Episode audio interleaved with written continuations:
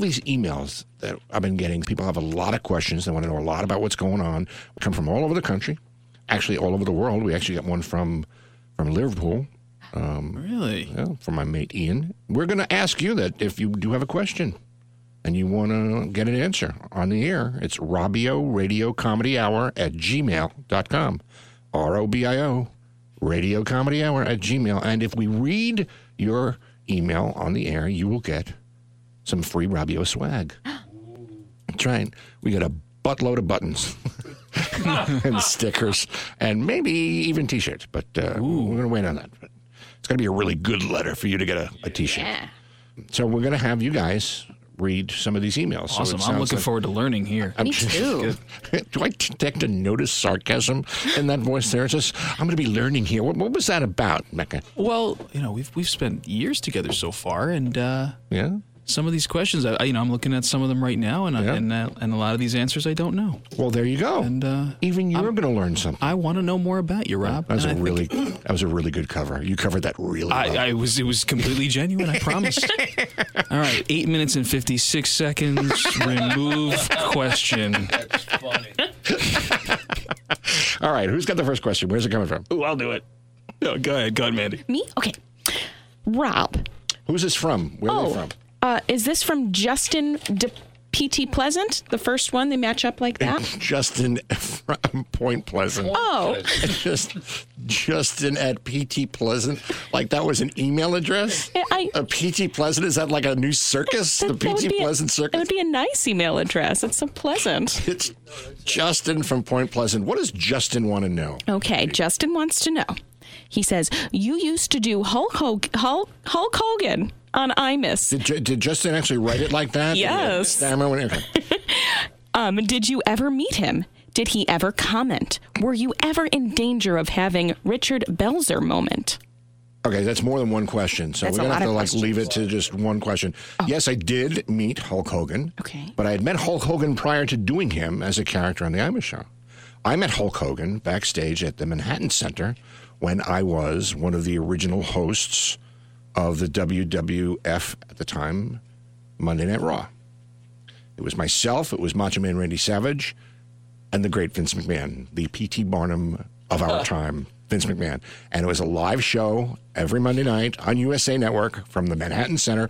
Once a month, we would do it from Poughkeepsie because the Manhattan Center was spoken for or something. So we did it at some hockey arena up in uh, in uh, Poughkeepsie.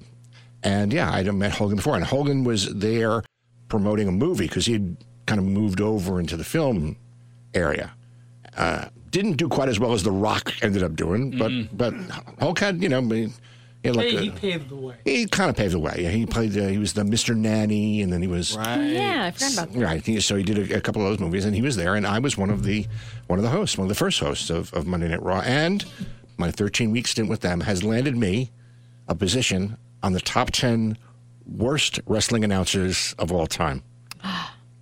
I'm not number one, unfortunately. I, I, I aspire to one day be considered number one, but but it was it was Macho Man and and, and Bobby the Brain Heenan. I met all these big guys from the WWF, which was cool for my son because he was into the wrestling and could bring him to the Madison Square Garden when they did uh, one of the events. And I actually got into the ring, and Giant Gonzalez crushed my shoulder and pushed me to the ground, and it was a lot of fun. Uh, the, the last show was the second to last show was I did Vince.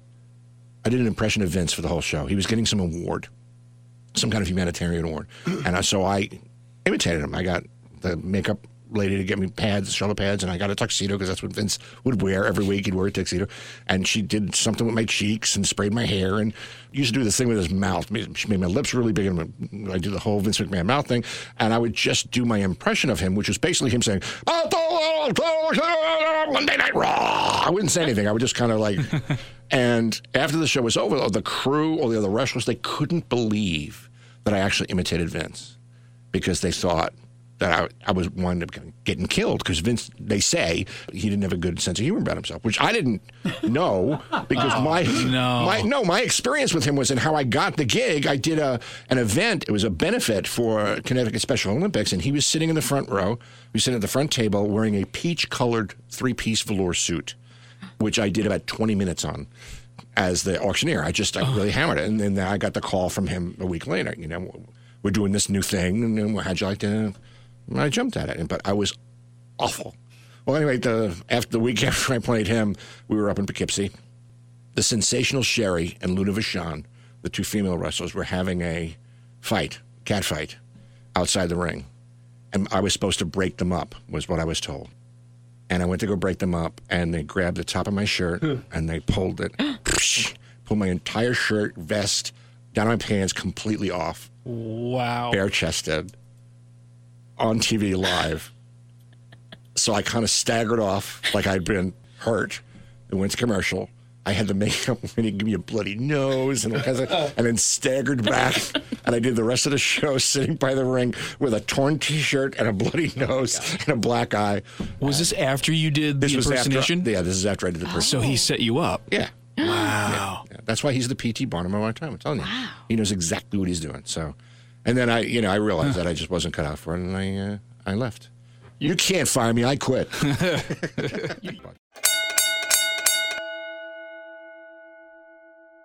Our very, very special guest this evening, the certified G, real one, Enzo.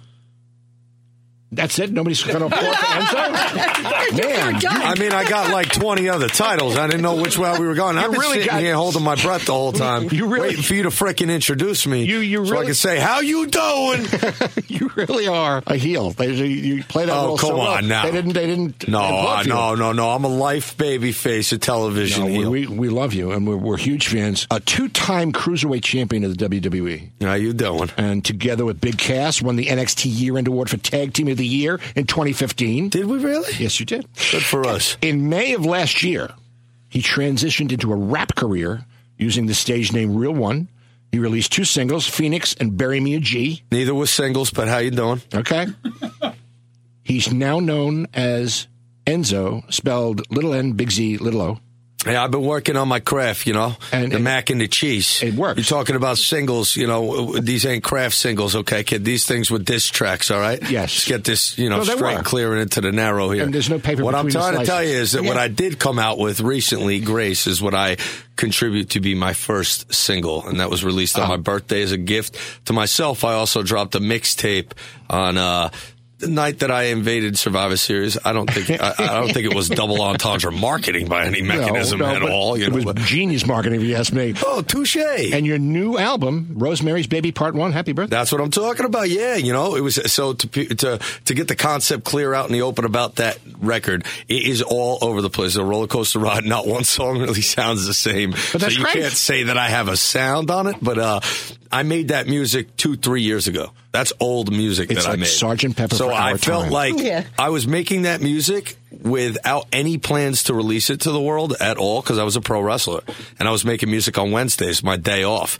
So you know, Mister No Days Off. I I, I looked at all these, uh, you know, songs that I accumulated over three years of putting myself in the studio, and I was like, you know what?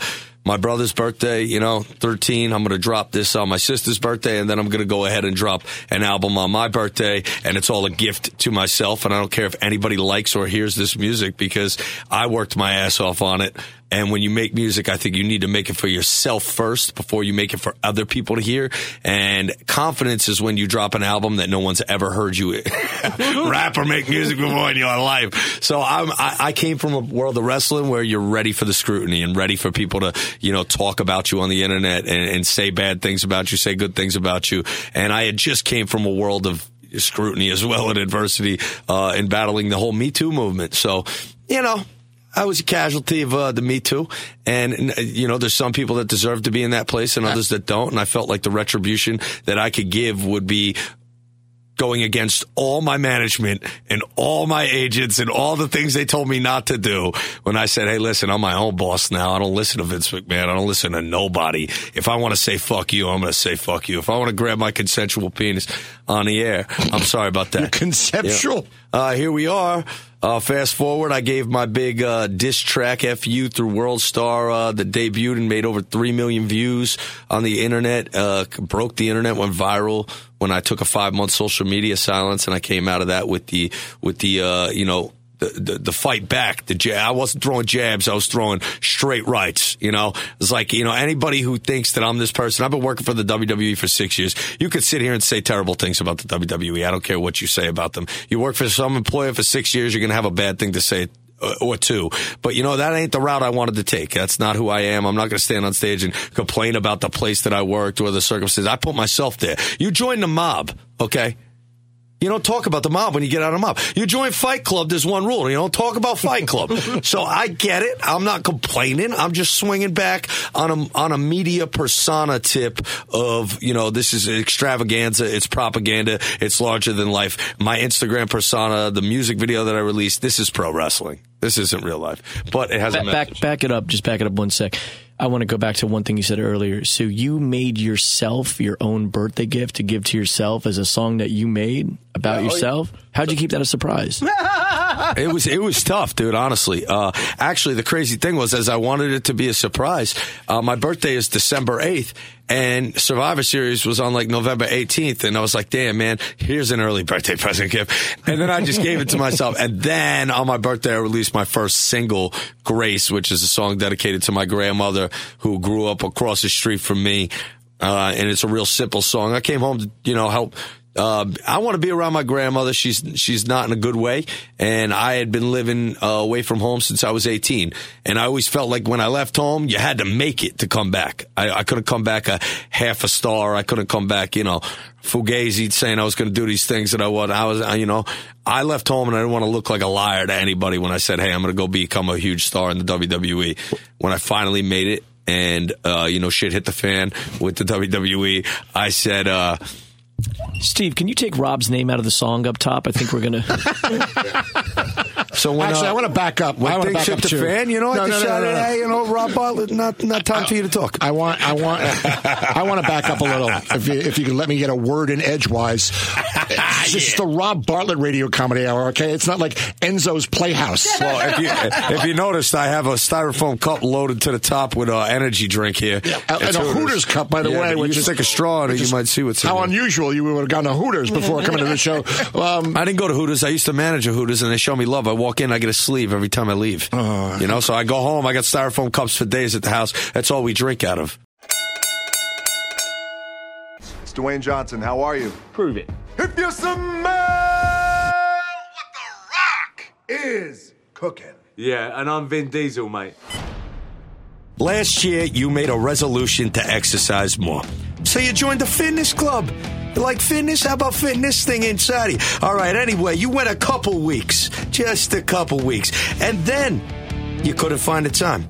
You know? And if I had a dime for every time you went to the gym in February, I'd have zero dimes. You went never weary. Okay? Never weary is where you went to the gym. So you stopped going. Well, we have a gym for you. You got zero dimes? Well, we got zero fitness. Okay? The health club with a difference. Zero fitness is a modern exercise center that's just right for the modern men and women whose spirit is willing, but flesh is weak. Oh. At Zero Fitness, we have everything. You ready for this, Rob? yeah. We got weights, How you doing? Pilates, How you doing? boxing instruction, How you doing? cardio, How you doing? aerobics, How you doing? yoga, How you doing? Spinning. How you doing? more spinning. How you doing? We spinning, How you doing? strength training, How you doing? and nutrition council. Ooh, how you doing? But here's the best part, Rob. What? You don't ever have to go. Now, I was paying $50 a month for a gym I only went to once or twice every few weeks. Sometimes months would go by where I couldn't motivate myself enough to actually work out. Then a friend told me about Zero Fitness. Now I enjoy all the appearance of membership without the expense, time, or effort. That's absolutely right. You hear the members? They have spoken. Zero Fitness is a membership card only health club. Okay? There's absolutely no equipment, no gym, no building facility center of any kind. It's just a card, a membership card. Zero fitness changed my life. No guilt, no second thoughts, no missed sessions with my imaginary trainer, who I call Tony, by the way. And when people ask me where I work out, I just show them my Zero Fitness card, and they always say, "Oh yeah, I heard of that place. I hear it's great." I, I joined another club last year, and the dues were outrageous, and I never wound up going. Zero Fitness was one third the price, and I only had to pay once. So I'm actually saving money every time I don't go. No fuss, no aggravation, no sweat. And zero dimes. That's because its Zero Fitness membership card clearly states all of the activities, and we got plenty of room for activities, and training sessions are available that you don't have to do. You ain't got to do nothing. All this space is just a waste. And our time of influencers are out on the street every day touting Zero Fitness is the best gym there is. Are you kidding? You see them walking down the street, and you got to move because there ain't enough room on the sidewalk. When people are interested in checking us out, our team assesses them to see if there's zero fitness material. And if they want to join a health club but are pretty confident they're never going to actually go, real simple. They're in. It's like the Fry University. With Zero Fitness Health and Fitness Club, I save on all those tacky workout clothes, leotards, and designer sweatbands. I don't have to worry about a bunch of creepy, muscle bound dimwits hitting on me when I'm using the thigh machine. and best of all, I only have to take a shower once a day. Zero Fitness is 100% harassment free. Finally, a health club without the hassle. I don't need to feel the burn. I can feel the money in my pocket. Zero Fitness taught me that working up a sweat by actively going out of your way to avoid exercise, that burns calories too. so join Zero Fitness today. Not yesterday, not last week, today. Okay? And take care of that New Year's resolution. That quick and easy way, just $19.95 for a health and fitness membership card that you'll be so proud of. You show it to all your friends, all right? And your family, okay? And get them off your back about how important it is to exercise. Zero fitness, zero dimes, no fees, no gym, no guilt, zero fitness. How you doing? How many times a week will you work out? Zero.